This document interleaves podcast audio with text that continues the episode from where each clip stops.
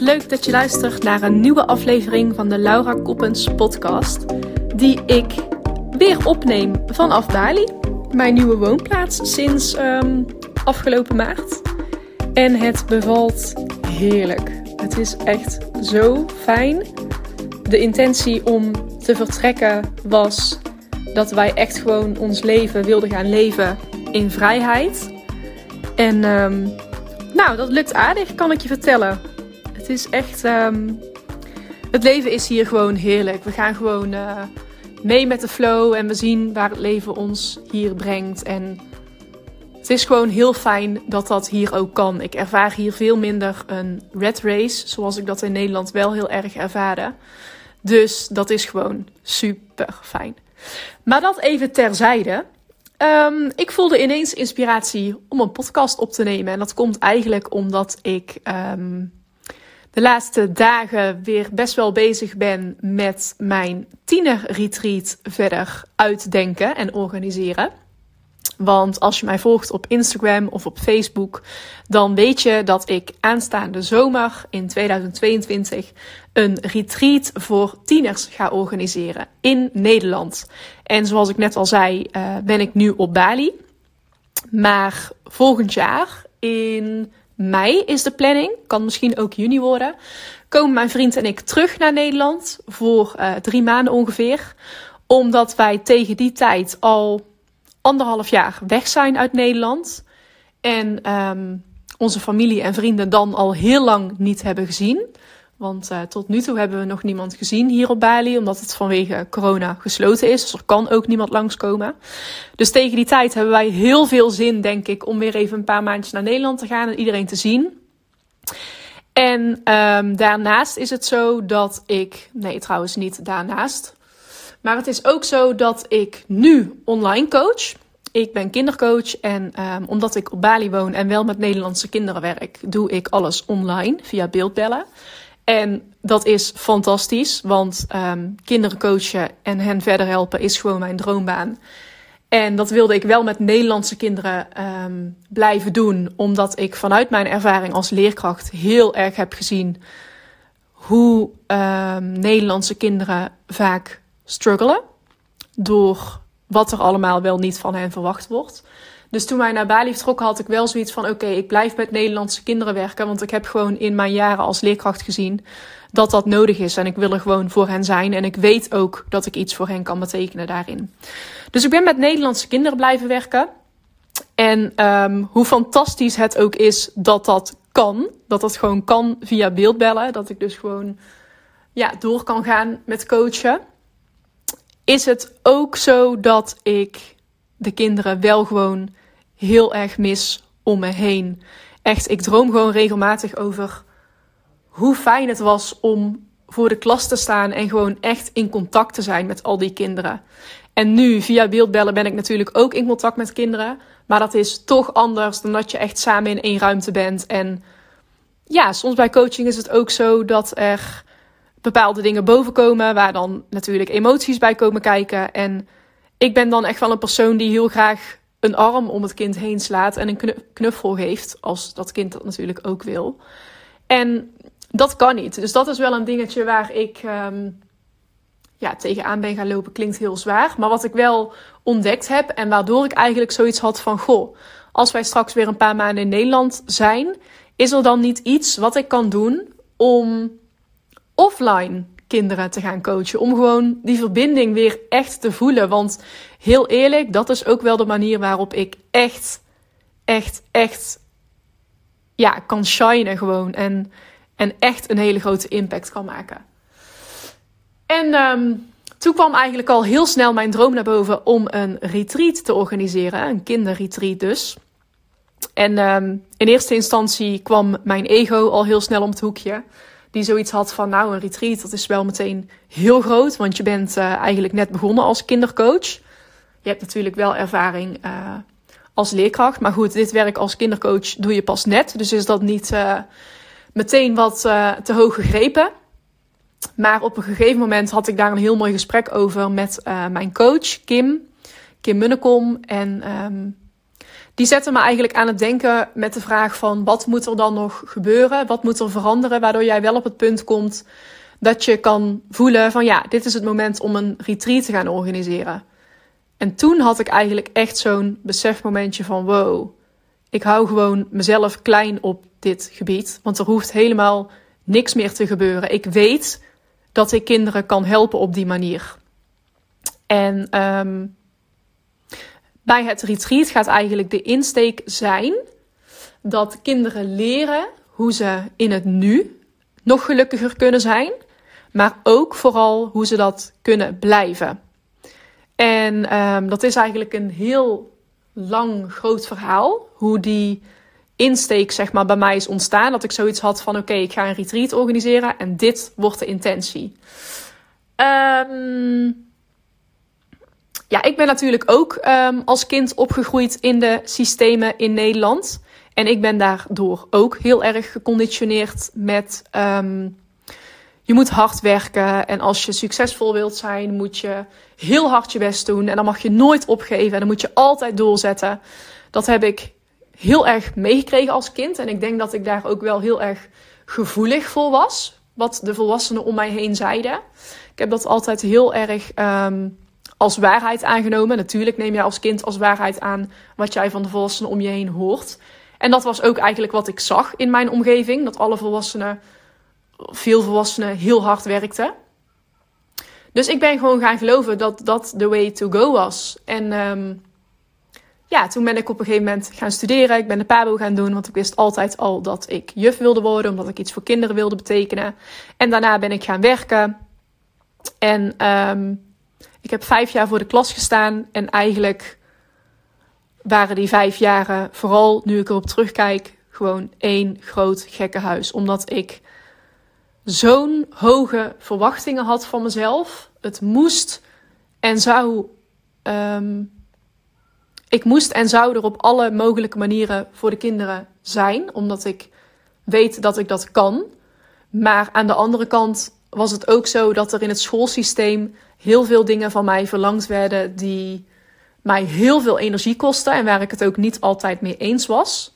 En eigenlijk in de jaren voor de klas ging ik steeds meer zien en voelen dat um, wat het systeem van de kinderen verlangde, wat de onderwijsinspectie van de kinderen verlangde, dat dat niet realistisch was. En dat het ook helemaal niet was waar ik in geloofde. Want op een gegeven moment was het gewoon zo dat de resultaten van de kinderen op één stonden. En dat de kinderen zelf en hun welbevinden op twee stonden. En er werd dus ook van mij verwacht dat ik zo met de kinderen omging. En het is echt heel bizar eigenlijk. Maar ik weet nog dat ik op een gegeven moment een gesprek had op school. Ik was op een nieuwe school gaan werken, dus ik had ook een nieuwe klas. En um, de prestaties van die klas moesten omhoog. Het ging om een groep 4.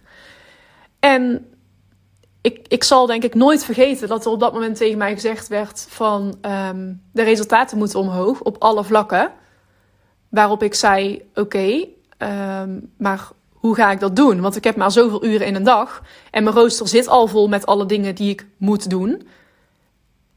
En het was dus eigenlijk zo dat het, erop, dat het erop neerkwam dat ik um, voor een aantal vakken, dat ik daar meer tijd in moest gaan investeren. Waarop mijn reactie dus was van ja, hoe moet ik dat dan praktisch gaan doen. Want mijn rooster zit gewoon al bomvol met alle dingen die ik moet doen vanuit de school. En daarnaast heb ik heel veel dingen die ik zelf belangrijk vind um, als leerkracht, maar ook als mens in mijn werk met kinderen. Zoals bijvoorbeeld de sociaal-emotionele ontwikkeling en de persoonlijke ontwikkeling. Dus mijn rooster zat gewoon bomvol. En toen weet ik nog dat de reactie was: ja, dan zullen denk ik toch um, tekenen en knutselen uh, eraf moeten. En ik weet nog dat ik toen echt dacht van, dit meen je niet. Dit zijn kinderen in groep 4. Dit zijn gewoon echt kleine kinderen. En het kwam er dus op neer dat alle leuke lessen, of ja, leuke lessen, dat de kinderen, of dat de lessen waarin uh, de kinderen gewoon even wat vrijer zijn en wat creatiever kunnen zijn en iets meer eigen ding kunnen doen, die moesten er vanaf, omdat er ruimte gemaakt moest worden voor nog meer rekenen en nog meer spelling en nog wat andere dingen. En dat zal ik nooit meer vergeten. En dat heeft zo'n indruk op mij gemaakt. En dat heeft ook al wel voor een shift in mij gezorgd dat ik dacht van wow, wil ik dit? Wil ik hier aan meedoen? Ik kan hier gewoon niet achter staan. Die kinderen, die kunnen gewoon op deze manier geen kind meer zijn. En ehm, het werken op die manier is me steeds meer tegen gaan staan en kostte me ook super veel energie, waardoor ik mijn hele sociale leven op een gegeven moment opgaf. En um, ja, het was gewoon een hele bizarre situatie eigenlijk, want ik wilde aan de ene kant de school niet teleurstellen en um, tegemoetkomen aan hun verwachtingen. Maar aan de andere kant wilde ik ook heel erg mijn eigen gevoel blijven volgen, trouw blijven aan waar ik in geloof ten opzichte van kinderen. Dus ik was eigenlijk twee banen in één aan het werken. Ik was aan de ene kant die leerkracht die koste wat het kost probeerde om de resultaten omhoog te krijgen. En aan de andere kant was ik eigenlijk een soort kindercoach die de wonden die ik daarmee eigenlijk zelf creëerde, door die, door die hoge druk op de kinderen te leggen, die probeerde ik te deppen en ik probeerde de kinderen te coachen, daarmee om te gaan. En ja, wat ik net al zei, ook bezig te zijn met die persoonlijke ontwikkeling en creatieve vakken. Dus het was gewoon, ja, het was gewoon echt een hele bizarre situatie. En het was ook onhoudbaar, waardoor ik um, toen ik vier jaar voor de klas had gestaan, als ik dat goed zeg, even uit mijn hoofd, uitviel.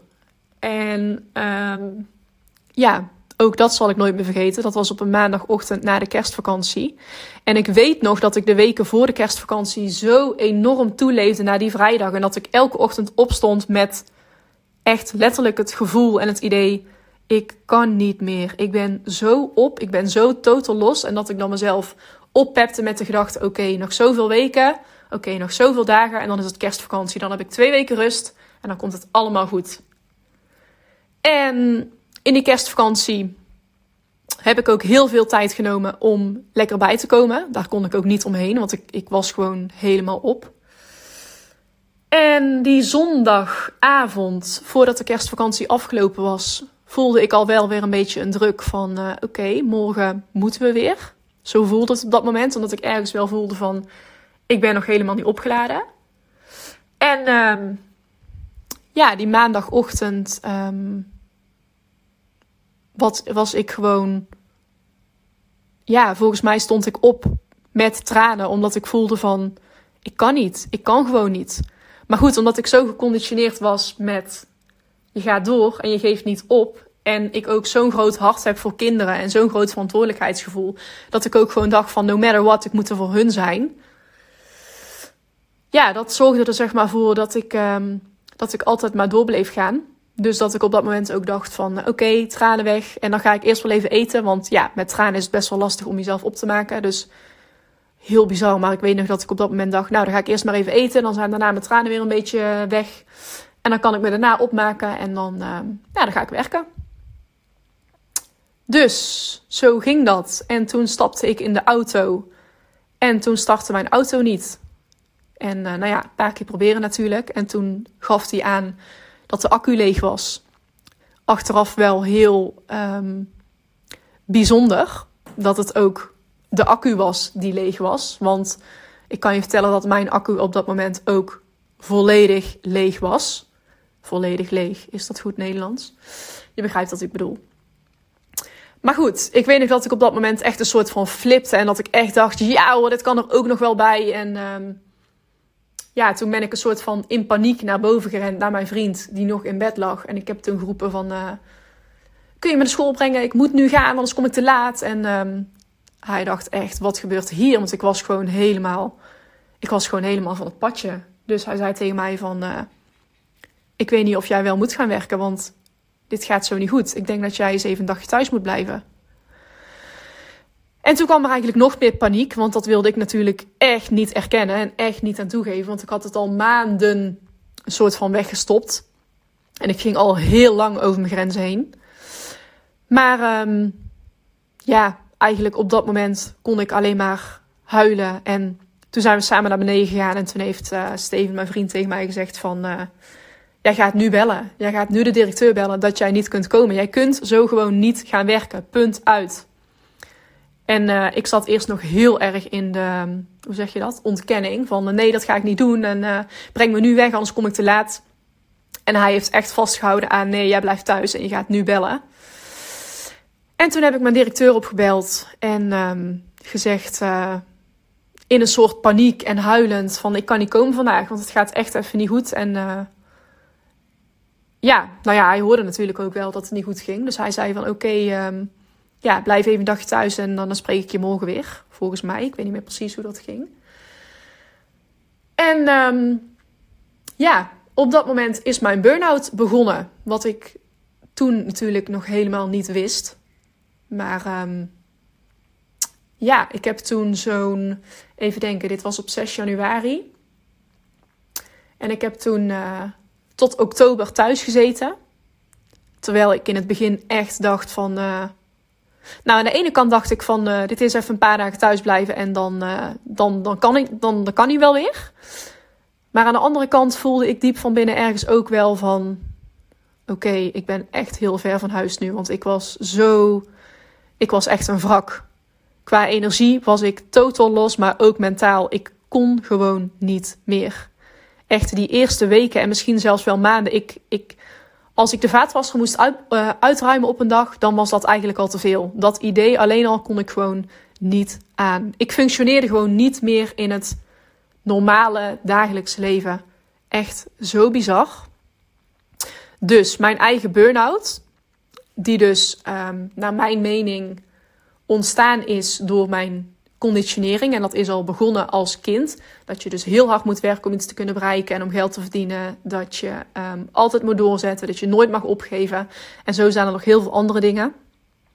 Die hebben ervoor gezorgd dat ik zoiets had van: wow, kinderen groeien nu nog steeds op in zo'n omgeving. Misschien is de druk zelfs alleen nog maar groter geworden, want volgens mij wordt er tegenwoordig nog alleen maar veel meer verwacht van kinderen, ook al op jonge leeftijd. Dus toen dacht ik van, wow, maar eigenlijk de kinderen die ik dus in mijn klas heb gehad, hen staat gewoon eigenlijk een soort vanzelfde route dan te wachten. En natuurlijk, dat zal niet voor iedereen zo zijn, maar wel voor heel veel kinderen. En toen dacht ik, wow, dit kan echt niet. En toen is er eigenlijk gewoon een ja, een, een soort missie eigenlijk ontstaan van ik moet dit voorkomen bij die kinderen. Ik kan dit gewoon niet laten gebeuren. Want ik had zelf net ervaren hoe heftig het was om in die burn-out te zitten. Ik heb best wel wat dingen meegemaakt in mijn leven. Maar dat is ja, sowieso de zwaarste periode in mijn leven geweest. Ik heb echt momenten gehad, en dit klinkt echt heel heftig. Maar dat was het ook op dat moment. Ik heb echt momenten gehad dat ik geen licht meer zag aan het einde van de tunnel. En dat ik echt dacht van, hoe kunnen mensen gelukkig zijn? En nu ik dit uitspreek, raakt dit me ook gewoon echt. Omdat dat nu gelukkig weer zo ver weg voelt. Omdat ik nu weer wel kan zeggen dat ik gelukkig ben. Maar op dat moment echt, het was zo heftig. Ik was zo ver heen, zo ver bij mezelf vandaan ook vooral. Dus dat stuk, samen met uh, wat ik als leerkracht heb gezien, die druk die alsmaar opgevoerd werd op de kinderen in het schoolsysteem. En dat ik dus ook ervaarde als leerkracht um, hoe ouder de kinderen waren die ik in mijn klas had, hoe, hoe ongelukkiger ze waren. En ook dat, als ik daarover nadenk, dat is toch gewoon bizar. Dat die kinderen gewoon over het algemeen happy op school komen, nog heel dicht bij zichzelf staan. En hoe ouder ze worden en dus in uh, een hoe hogere groep ze komen op basisschool, hoe meer dat geluksgevoel afneemt, omdat die druk gewoon zo groot is om te moeten presteren.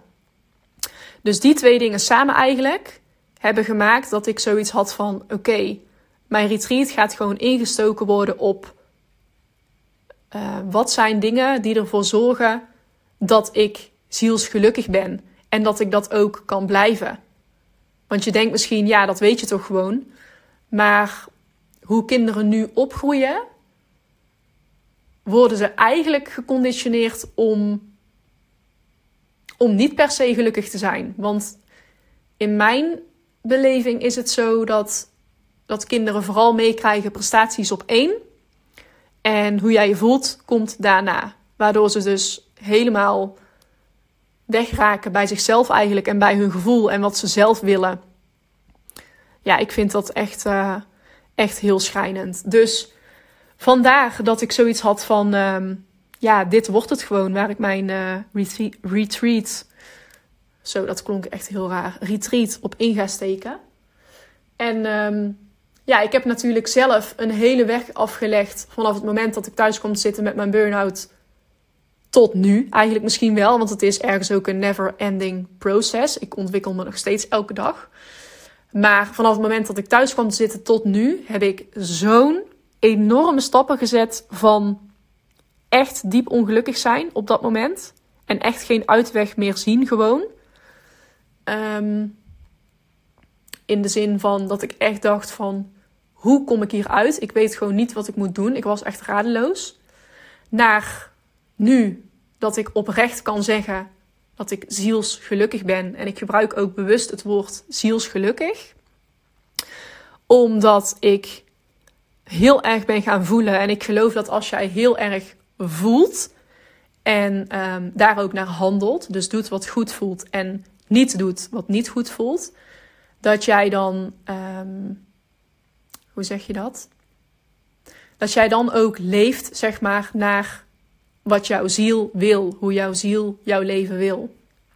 Misschien um, ja, vind jij dit te zweverig, maar dit is wel echt hoe ik het zie. En um, ja, de allergrootste lessen die ik geleerd heb in die periode, dat zijn ook de lessen die ik zeg maar door wil geven tijdens mijn retreat aan de maximaal acht deelnemers. Ik hoop trouwens niet dat dit een heel warrig verhaal is, want ik merk dat ik echt in een ratelmodus zit. Um, even denken, wat wil ik allemaal vertellen over mijn uh, retreat? Ik merk op de een of andere manier dat ik retreat nu echt heel raar uitspreek iedere keer. Maar goed, dat maakt niet uit. Um, het gaat plaatsvinden in Nederland, in Noord-Brabant, in het plaatsje Riel wel te verstaan. Dat is een dorpje, als ik het goed heb, naast Goorlen. En um, in een super mooie accommodatie. Echt, die accommodatie is zo dik. Als je alleen al gewoon vijf dagen naar die accommodatie zou gaan en verder niks op de planning zou hebben en gewoon lekker daar in huis zou zijn en in de tuin, dan zou je alle tijd van je leven hebben. Want het is zo'n fijn huis. Het is echt een hele grote woonboerderij. Die ook voor veel meer personen is dan um, het groepje waarmee wij daar gaan zijn. Maar ik had zoiets van: dit boeit me niet. Ik zag het en ik wist gewoon: dit moet het worden. Want het had alles wat ik wilde. Het was en in Noord-Brabant en het is super kindvriendelijk. Het heeft een hele grote tuin waar we lekker buitenactiviteiten kunnen doen. Want het is dan zomer, dus hopelijk ook lekker weer. Um, er zijn meerdere slaapkamers, waardoor sowieso de jongens en de meiden gescheiden kunnen slapen. Dat, of gescheiden moeten slapen zelfs. Dat is wel een um, ja, vereiste, zeg maar, voor mij. Um, iedere slaapkamer heeft ook zijn eigen badkamer. Er is een super lekkere grote woonkeuken. Er is een woonkamer. En ja, het is gewoon super fijn. En daarnaast is er ook een trampoline en een schoolbak en een schommel. En het is gewoon echt top. En het is ook gewoon echt luxe en echt heel mooi. Het is eigenlijk wel heel bizar dat ik dit gewoon uh, geboekt heb al. Ondanks dat je je nog niet eens kunt aanmelden. Maar ik voel gewoon uh, een heel sterk vertrouwen in hoe vet dit gaat worden. Dus vandaar dat ik dat risico, wat dus niet per se als een risico voelt eigenlijk, wel gewoon geno genomen heb. Omdat ik zoiets had van ja, dit moet hem gewoon worden. Dus ik heb geboekt en um, binnenkort ga ik de laatste informatie bekendmaken over het retreat met de investering. En dan uh, kun je je gaan aanmelden. Um, goed, dat dus over de accommodatie. Dan heb ik besloten dat er maximaal acht deelnemers mee kunnen. En daar heb ik bewust voor gekozen, omdat ik wil dat het een heel klein groepje is, zodat de setting lekker intiem is en we echt, echt de diepte in kunnen met alle deelnemers. Dat ik ook de tijd heb voor ieder kind individueel, dat iedereen um, genoeg aandacht krijgt. Dat vond ik gewoon echt wel heel belangrijk.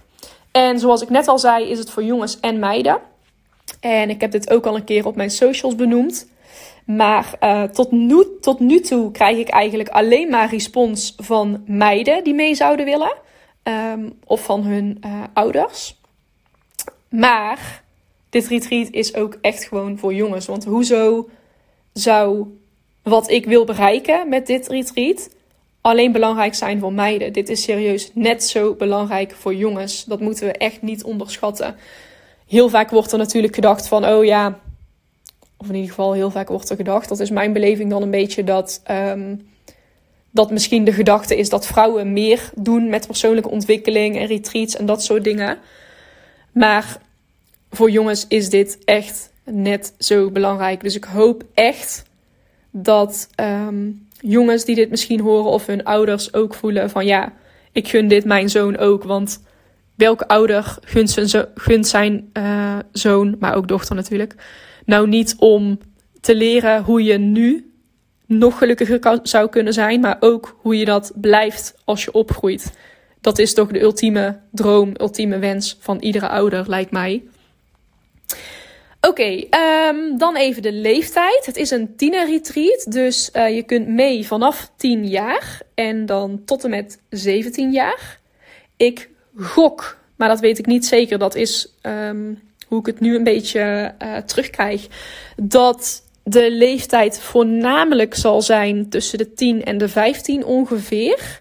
Maar goed, het kan natuurlijk zijn dat er um, nog mensen op mijn pad gaan komen met kinderen die uh, tussen de 15 en de 17 zijn. En die zijn ook meer dan welkom. Want ik kreeg al een vraag van ja, 10 tot en met 17 is natuurlijk wel een heel groot leeftijdsverschil. Dus waar denk je dan voornamelijk aan? Maar het is echt niet zo dat ik meer denk aan kinderen van 10 en 11 bijvoorbeeld dan uh, 16 en 17. Ik noem maar even iets. Want ik heb echt, ik geloof heel sterk in um, de kracht van een groep. En ook van de kracht van de diversiteit in een groep. Want hoe tof is het als er bijvoorbeeld een kind van 12 in die groep zit en een kind van 17. En dat kind van 12 kan zien van wow, hij of zij is 17. Dus dat is waar ik over vijf jaar ook zou kunnen staan. Hoe gaaf is het dat diegene van 17 een voorbeeld kan geven? En hoe waardevol is het ook dat diegene van 17 kan terugkijken naar uh, kinderen die jonger zijn. En kan denken van, oh ja, wow. Een paar jaar geleden um, had ik diezelfde leeftijd. Waardoor die ook weer kan terugreflecteren op hoe dat toen voor hem of haar was. En het is echt niet per se zo dat um, iemand van 17. Hoe moet ik dat zeggen? Nee, dit moet ik zeggen. Dit wilde ik zeggen. Het is echt niet zo dat iemand van um, ehm, 12 automatisch meer kan leren van iemand dan van iemand van 17. Dan dat een 17-jarige kan leren van een 12-jarige. Dus ja, vandaar dat ik het ook zo heb ingestoken dat er kinderen van 10 tot en met 17 mee kunnen, zich kunnen aanmelden. En inderdaad, dat is een groot leeftijdsverschil. En zij zitten dan ook in hele andere fases van hun leven. Maar daardoor kan je juist heel veel van elkaar leren, denk ik. Even denken. Oh ja, dan de datum. Dat is ook wel handig om te noemen. De datum is. Ik ga het even opzoeken voordat ik het verkeerd zeg. Volgens mij uit mijn hoofd 25 juli. Even kijken of dat klopt. Ja, dat klopt. Maandag 25 juli 2022 tot en met vrijdag 29 juli 2022. En ik heb die data zo uitgekozen dat dat voor heel Nederland in de zomervakantie is. Dus dat er echt kinderen uit heel Nederland mee kunnen. En um, even denken, nog iets over de datum. Nee, ik had net iets, maar dat ben ik even kwijt. Dus daar kom ik misschien nog wel op. Um, wat vind ik nog meer belangrijk om te bespreken? Oh ja, voor wie is het geschikt? Het is dus geschikt voor tieners, dat heb ik al gezegd, uit heel Nederland.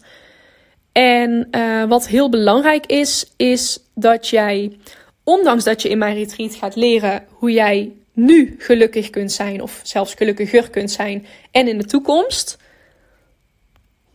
zo, ik ben even heel mijn verhaal kwijt.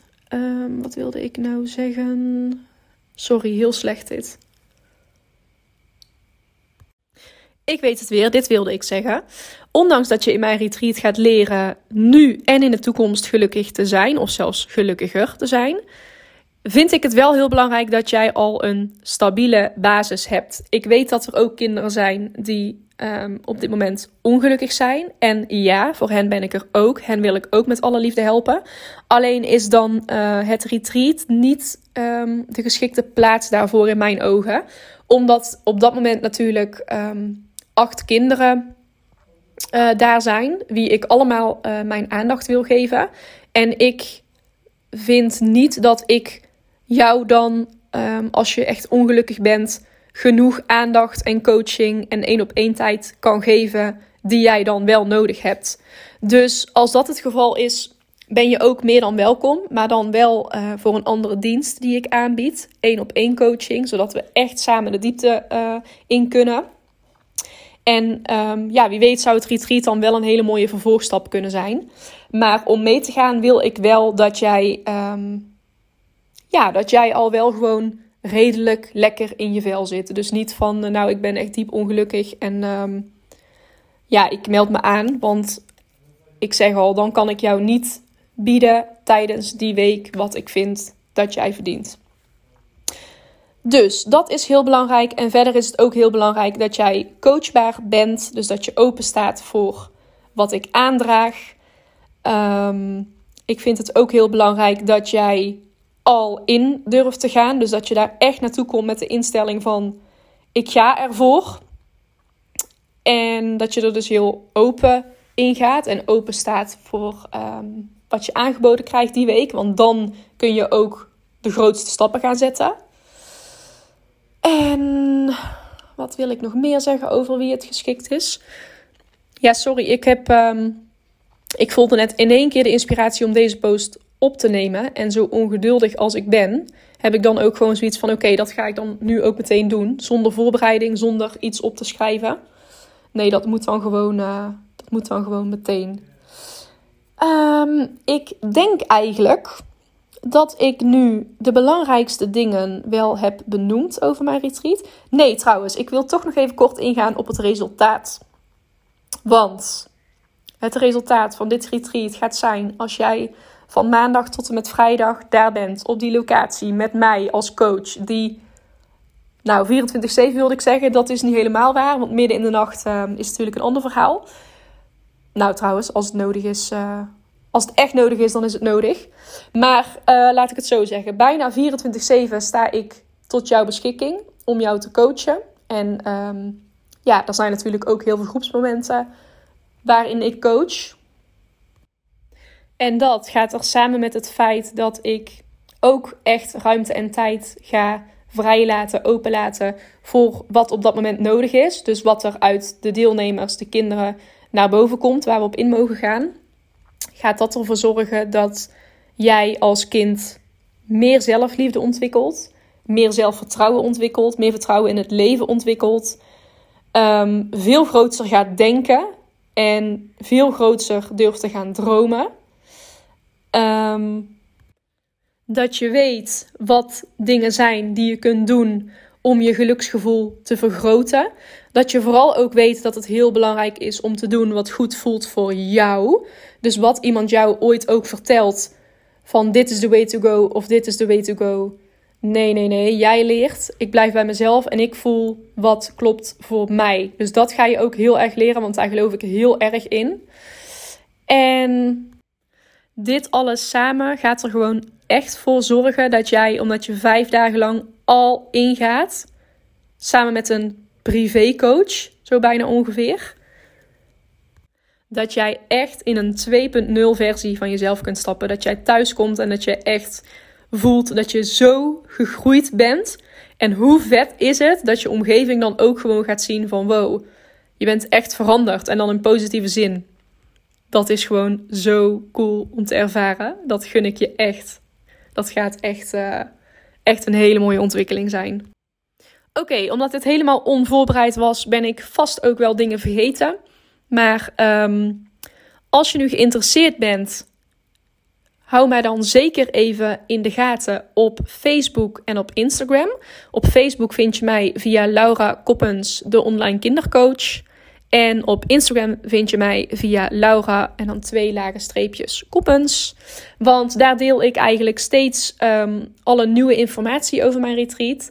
En binnenkort gaat, als het goed is, ook mijn website live: www.laurakopmans.nl. En daar kan je dan ook alle informatie vinden over het retreat. Um, mocht je een specifieke vraag hebben die ik nog niet benoemd heb in die informatie, dan uh, stuur mij een berichtje. Vind ik alleen maar leuk. En uh, oh ja, wat wel handig is om even te zeggen nog, ik heb op Instagram een highlight aangemaakt. Die heet um, Tina Retreat Droomvlucht. En daar heb ik zeg maar alle stories en posts ingezet over mijn retreat. Dus dat is misschien wel handig. Dan kan je in één keer gewoon alle informatie bij elkaar terugvinden. Um, dit was het voor nu. Ik heb nog wel één vraag. Mocht je nu zoiets hebben van wow, dit klinkt echt heel interessant en um, je hebt nu iemand in je hoofd waarvan je zoiets hebt, wow, dit zou echt iets voor diegene zijn, lijkt het me heel tof als je diegene even tipt over um, mijn retreat. Want ja, je helpt dan niet alleen mee aan mijn missie, ieder kind weer zielsgelukkig. Je kunt ook de ouder of de ouders of verzorgers van dat kind hier echt een dienst mee bewijzen. Want ja, zoals ik al eerder zei, wat is de grootste wens van de gemiddelde ouder? Ik denk dat de kinderen het kind gelukkig is zijn. Dus dat. Super bedankt voor het luisteren. Heel erg leuk. Ik vind het ook heel erg leuk als je me gewoon even laat weten wat je van de podcast vond. En um, dit was hem voor nu. Ik spreek jullie later weer. Doei doei!